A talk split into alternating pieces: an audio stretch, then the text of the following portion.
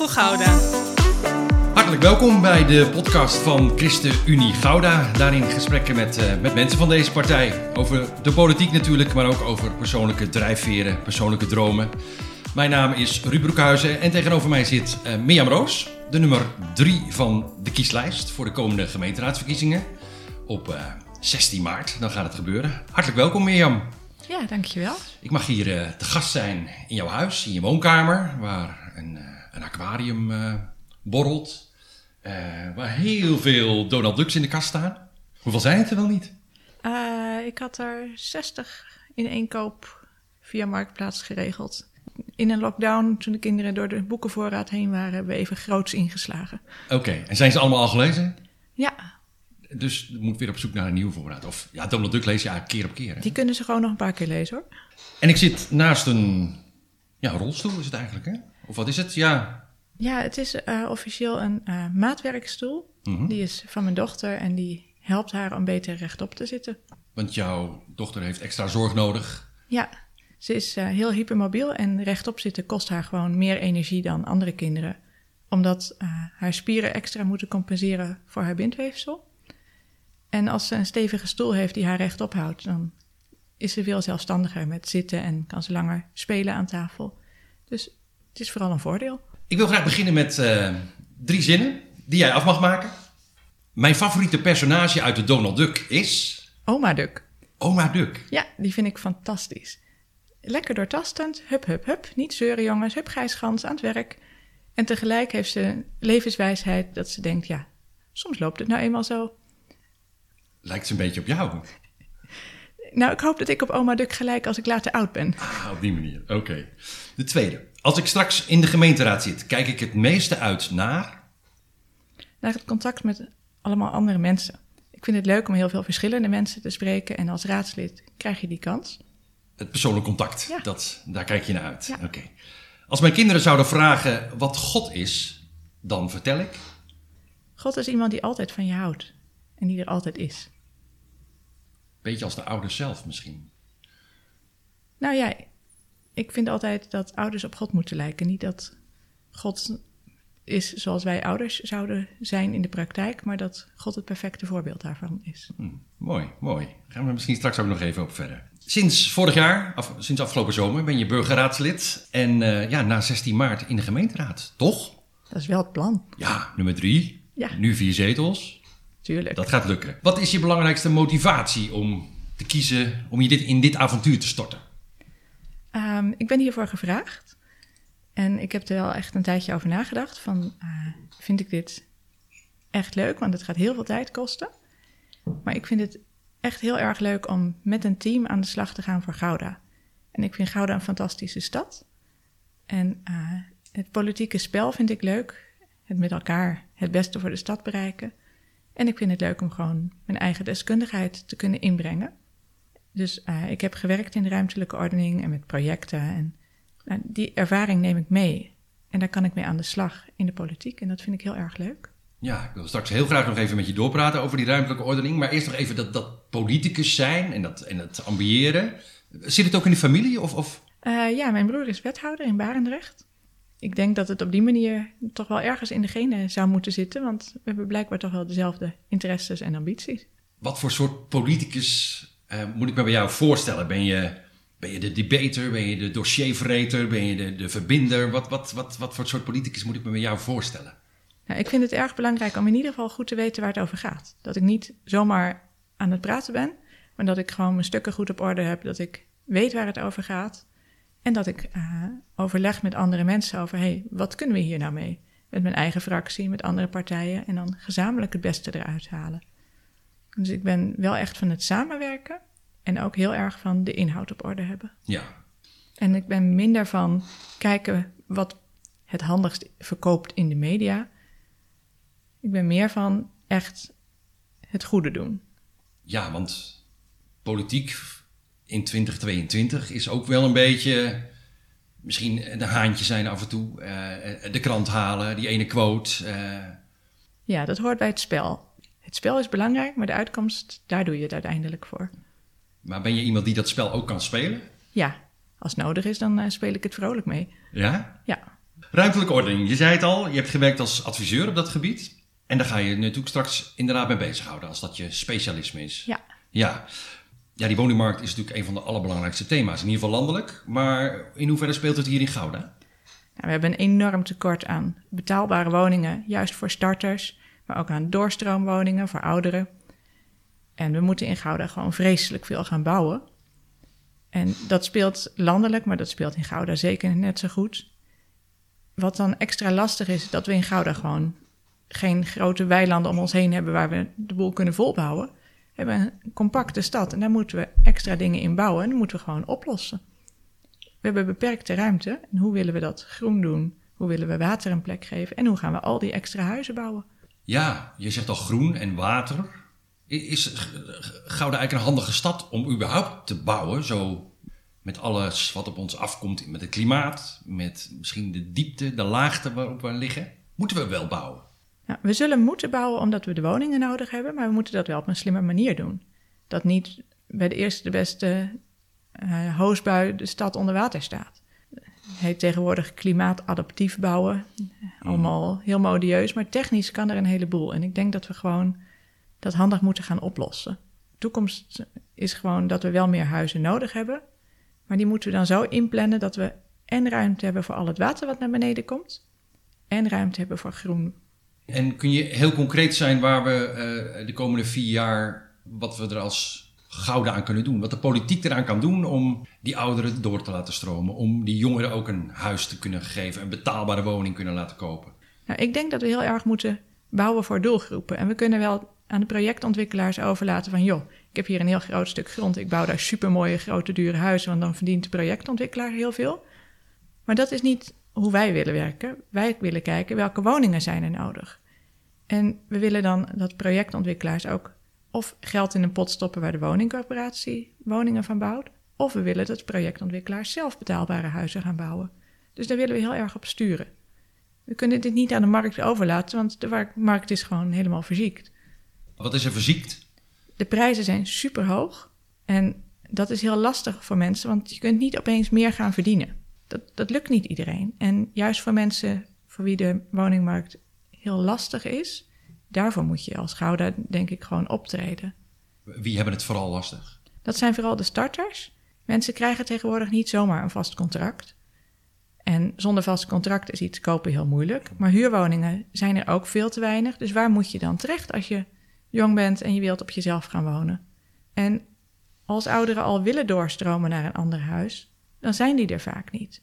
Dus we moeten huizen bouwen waar je met je rollator gewoon doorheen kunt wandelen. Liefst in de wijk zelf, dat mensen niet helemaal ontworteld raken en hun sociale netwerk kwijtraken. Dichtbij waar mensen nu al wonen, moeten ze een nieuw plekje kunnen krijgen als ze dat zelf willen. Ook veel opwinding natuurlijk over beleggers die complete huizenblokken opkopen. Ehm, en, dan denk ik altijd, ah, dat gebeurt in Amsterdam of misschien in Rotterdam. Gebeurt dat ook in Gouda? Ja, we hebben maandagavond net een uh, stuk behandeld in de gemeenteraad. Er zijn de afgelopen vier jaar 200 woningen opgekocht door beleggers en dan als huurwoning in de markt gezet. Die kun je niet meer kopen, die worden nu verhuurd. We hebben ook gezegd dat we dat echt niet meer willen. Dus woningen tot 3,5 ton, die moeten voortaan zelf bewoond worden door degene die het koopt. Je mag best zo'n huis kopen, maar je mag het niet doorverhuren. Wel aan je zoon of aan je ouders. Aan familie mag het wel, maar we willen juist voorkomen dat grote partijen echt heel veel huizen opkopen en die voor heel veel geld verhuren. Je noemde dit al even het klimaat, het water, het groen. Al die problemen die grijpen natuurlijk ook in elkaar. De duurzaamheid aan de ene kant, het woningbouwen aan de andere kant. Wat voor plannen heeft ChristenUnie of waar ligt bij jullie de focus op als het gaat over, over duurzaamheid en over gezond en groen wonen? Wij zijn als partij erg bezig met de energietransitie. En Eigenlijk willen we dat mensen minder gaan verbruiken en niet dat we al het verbruik eindeloos gaan uh, regelen met windmolens en zonnepanelen. Het is ook fijn als het verbruik naar beneden gaat. Het begint met isoleren van huizen, dat je niet je huis verwarmt en de warmte gelijk wegwaait. Maar juist mensen die weinig te besteden hebben, die vinden het lastig om hun huis te isoleren. We willen dat woningen beter geïsoleerd worden en we willen dat mensen niet in de problemen komen met hun energierekening. Dus dat zijn twee dingen waar we heel erg alert op zijn. Hoe kunnen we dat regelen? Kunnen we daar subsidiepotjes voor maken? Kunnen we mensen helpen om hun huis duurzaam te maken? En aan de andere kant zien we ook dat auto's heel vervuilend zijn. We zien als partij ook wel een toekomst voor deelmobiliteit. Dat je een auto in je wijk hebt die je dan af en toe gebruikt als je hem nodig hebt. En tegelijk zien we dat het heel lastig is om mensen te dwingen om hun eigen auto weg te doen. Dat willen we ook helemaal niet. En willen mensen niet dwingen tot die overstap naar zonnepanelen en naar een elektrische auto. We willen mensen verleiden. Ja, is dat zo? Want uh, de nieuwe huizen die bijvoorbeeld gebouwd worden op het terrein wat nu de blokker is, daar zie je al dat het aantal auto's ten opzichte van het aantal huizen is, wordt verminderd. Dat is al niet meer één, dat zit alweer onder één. Dus, dus mensen worden eigenlijk, als ze een nieuw huis kopen, op die plek, meteen gedwongen om na te denken: eigenlijk kan ik mijn auto niet meer kwijt. Nou, we zien dat uh, mensen die in zo'n project een huis gaan kopen, dat dat ook mensen zijn die zeggen: hey, ik vind dit interessant, ik doe hier aan mee.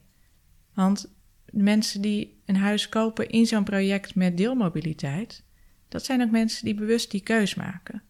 En we maken het ze ook heel makkelijk door gewoon om de hoek van hun huis zo'n auto neer te zetten. En ze krijgen automatisch een app, ze krijgen korting op zo'n auto.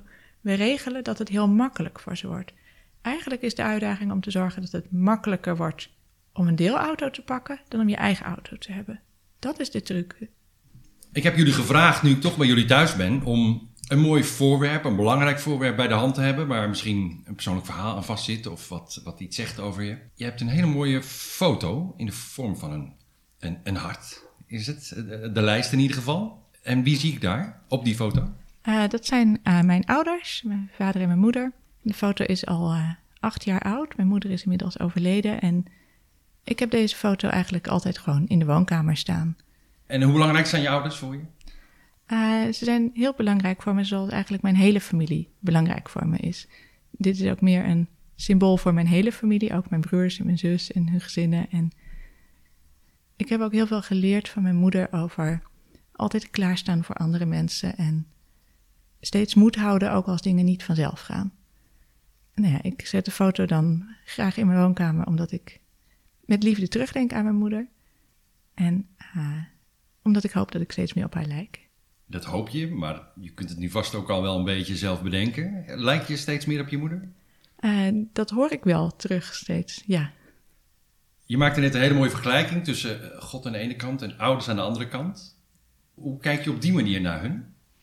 Um, ja, mijn ouders waren niet perfect en um, ze hebben wel altijd liefde gegeven. Natuurlijk maakten ze fouten en dat doe ik ook als ouder. En het mooie aan God vind ik dat hij die fouten niet maakt. En um, bij mijn ouders was ik altijd welkom en dat ben ik bij God ook. En ik zie parallellen en ik zie verschillen. En um, het geduld van mijn moeder, dat is ook iets um, wat ze denk ik van God gekregen heeft. En uh, dat is ook iets wat ik zelf graag nog meer zou willen ontwikkelen. Want je bent nog ongeduldig? Nou, ik denk dat ik in de loop der jaren geduldiger geworden ben, maar dat er altijd nog meer geduld bij kan. Waar merk je nog je ongeduld? Nou, soms richting mijn eigen kinderen, dat ik denk, jongens, schiet nou eens op, we moeten naar school en dan moet er nog van alles. Maar ook um, soms gaan processen heel langzaam om uh, bijvoorbeeld hulpmiddelen aan te vragen. En dan kost dat gewoon maanden tijd. En dan denk ik, ik wou dat het allemaal sneller ging. En dan heb ik de neiging om op te gaan bellen en te zeggen: jongens, regel het nou. Terwijl je soms gewoon dat geduld moet hebben om dingen uit te zitten. Want dat zal straks, als je vier jaar in die raad zit, dat is soms ook een proces met heel veel geduld. Als je dingen voor elkaar wil krijgen, misschien. Ja, klopt. Ik denk dat dat niet per se een persoonlijk ding is.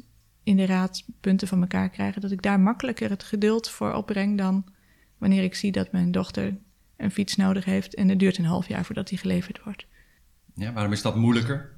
Ik denk omdat je dan heel persoonlijk geraakt wordt en dingen als een bestemmingsplan wat langer duurt, ja, dat voel je niet persoonlijk. Tegelijk merk ik wel dat mensen zitten te wachten op een vergunning of een bouwproces en zal ik er wel alles aan doen om zo'n proces te versnellen. Dat wel. Want dat is politiek ook, hè? Politiek zijn natuurlijk soms abstracte dossiers of, of, plannen die nog ergens op een schetsje staan. Maar het gaat natuurlijk altijd over mensen. Ja. dat maakt het juist ook zo boeiend. En is de politiek zich daar altijd voldoende bewust van? Nou, dat is soms lastig. Als je 300 pagina stukken voor je neus krijgt, is het soms moeilijk om de mensen daarachter te zien. Maar dat is wat ik wel altijd wil blijven doen. Gewoon bedenken van over wie gaat dit nou? En wat merken ze er nou van als we langer doen over zo'n proces of als we voor of tegen iets stemmen? Wat merken de mensen over wie dit gaat? Hoe weet je als politicus wat er leeft en, en waar mensen zich druk om maken? Door veel met mensen te praten. Door te praten met uh, mensen uit de kerk, door te praten met mensen van de school waar je dan op het plein staat, maar ook door gewoon in de buurt een rondje te wandelen en te praten met de mensen die je tegenkomt. En gebeurt het dan wel eens dat je denkt van, hé, hey, dat is een onderwerp, dat had ik helemaal nog niet op de radar, maar nu weet ik het? Um, nou, ik merk dat mensen die met een probleem zitten vaak ook wel zelf de neiging hebben om politieke partijen aan hun jasje te trekken. En een praktisch voorbeeld is uh, dat er bomen gekapt werden of gekapt zouden worden bij de Nieuwe Haven. En dat mensen dan een actiegroepje vormen en politici vragen van, joh, kom nou eens kijken. En ik vind het leuk om dan ook echt te komen kijken en bij mensen thuis te komen praten. Joh, wat hebben jullie dan voor plannen? Niet dat het altijd dan betekent dat ik naar die mensen luister en zeg: Oké, voortaan steun ik jullie mening, maar wel dat ik alle kanten van het verhaal wil horen. En ik vind dat politiek niet altijd is iedereen te vriend houden, maar wel heel goed kunnen uitleggen waarom je voor of tegen een plan stemt. Want juist het uitleggen van wat je kiest, dat is denk ik het belangrijkste. En je zegt ook iets belangrijks. Ik word uitgenodigd en ik ben naar die mensen toegegaan. Ik ben met ze naar die bomen gaan kijken. Ik ben bij ze thuis gekomen luisteren.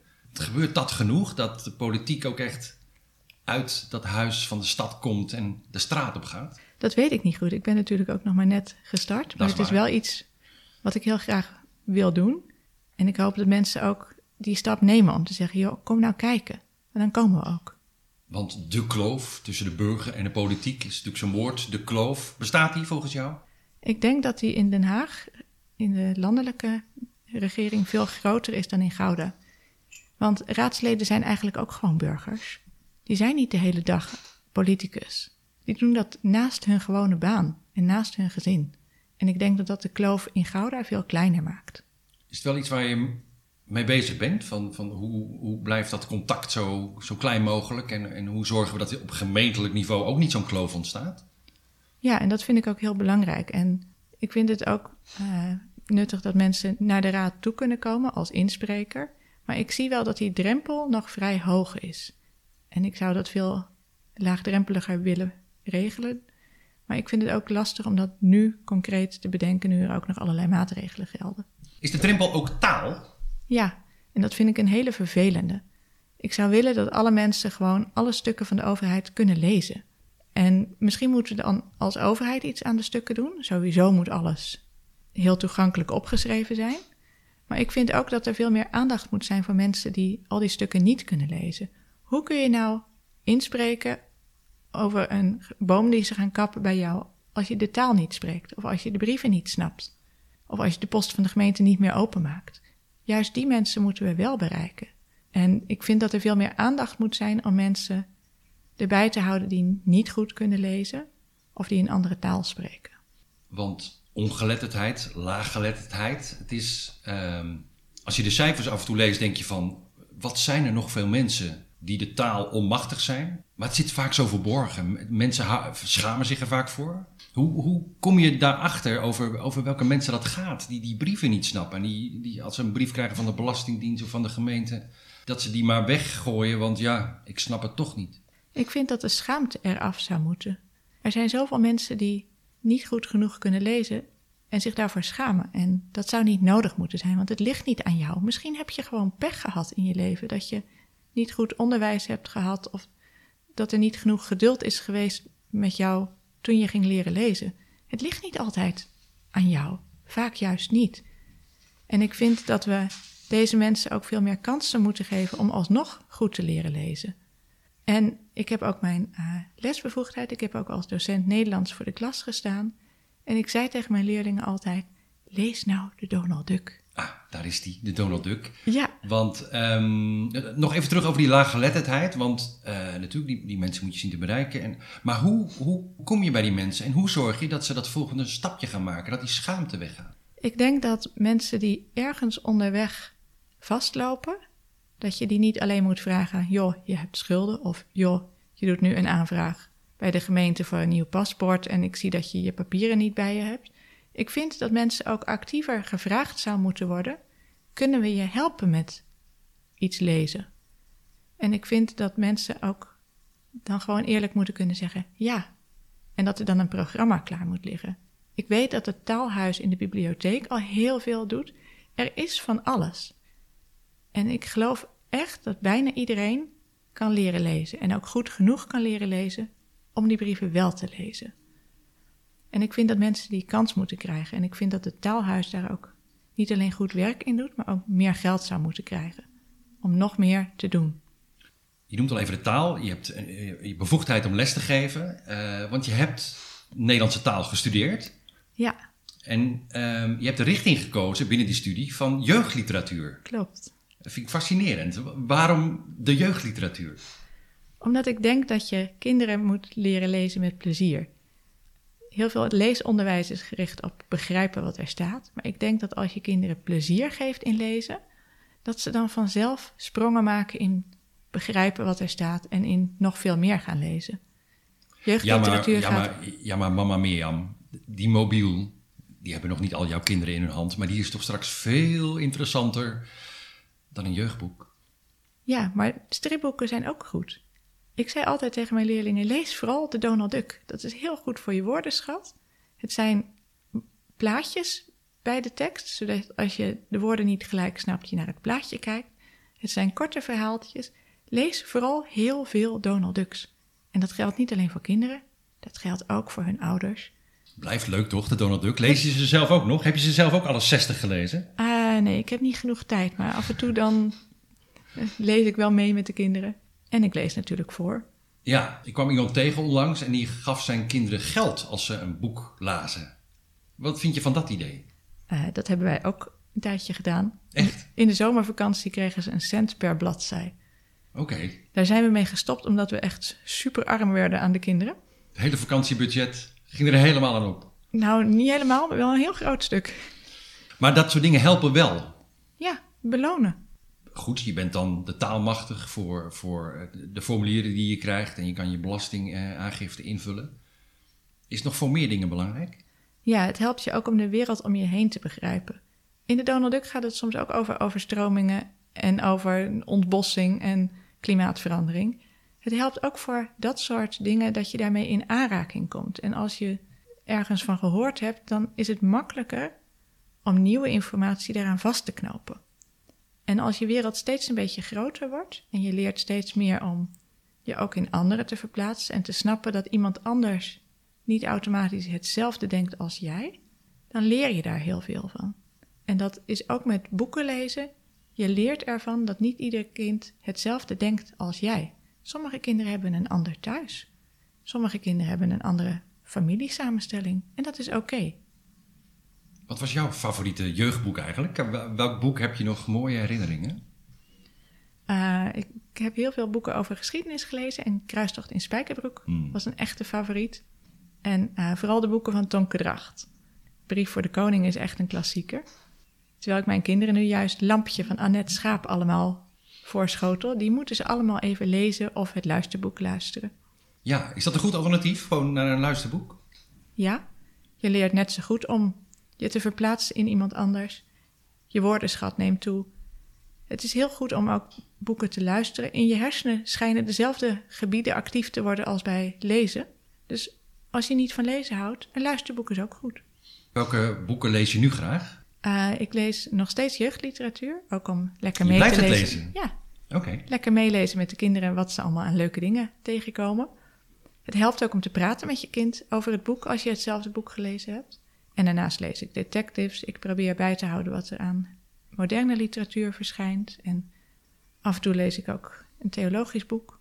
En uh, ik mag bij Boekhandel Verkijk het nieuwe boek Uitgewoond ophalen. Ik probeer ook op mijn eigen vakgebied uh, over de woningcrisis te blijven lezen. Kun je jezelf verliezen in een boek? Kun je helemaal erin opgaan en, en dat je fantasie op hol slaat en dat niemand je meer kan bereiken? Uh, ja, en soms is het dan per ongeluk toch twee uur s'nachts. Ja, echt? Ja. Heerlijk toch? Zeker. Ja. Um, we bereiden dit gesprek altijd even een beetje voor. Ik bel je van tevoren eventjes en dan uh, hebben we het over een paar onderwerpen. Ik heb één uitspraak opgeschreven die, die ik je nog even wilde uh, voorhouden. Je zei tegen mij, je moet jezelf niet te groot maken.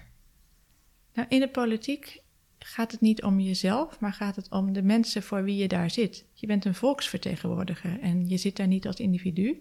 Je zit daar om het goede te doen voor de mensen die op jou gestemd hebben en voor de mensen in de stad. En dat betekent ook dat het niet om mijn eigen ego gaat. Ik vind het ook lastig om dan campagne te voeren en te zeggen: stem op mij. Want het gaat helemaal niet per se om mij. Het gaat erom dat ik vind dat we als team goede dingen neerzetten. En het gaat erom dat ik denk: we hebben een goed plan voor de stad en dat plan dat moeten we uitvoeren. En of ik dat nou doe of mijn team of iemand anders, dat is eigenlijk nog iets minder belangrijk dan dat we het goede voor de stad zoeken. En tegelijk moet ik dan wel mezelf in de media presenteren, want anders stemt er niemand. En dan kan ik dat werk niet doen. Dus die spagaat vind ik wel een beetje lastig. Campagne voeren, wat ga je doen? Uh, we gaan sowieso uh, straatcampagne doen. We gaan folderen. We gaan nog leuke acties uh, doen in de stad. Ik werk mee aan deze podcast. Er zijn foto's gemaakt, er zijn filmpjes gemaakt. En het campagneteam heeft allerlei leuke dingen bedacht. En ik doe daar gewoon gezellig aan mee. Ondanks dat je jezelf misschien dan een beetje groter moet maken dan je in werkelijkheid bent. Ja. Veel succes daarbij. Dankjewel. Oog van Gouda.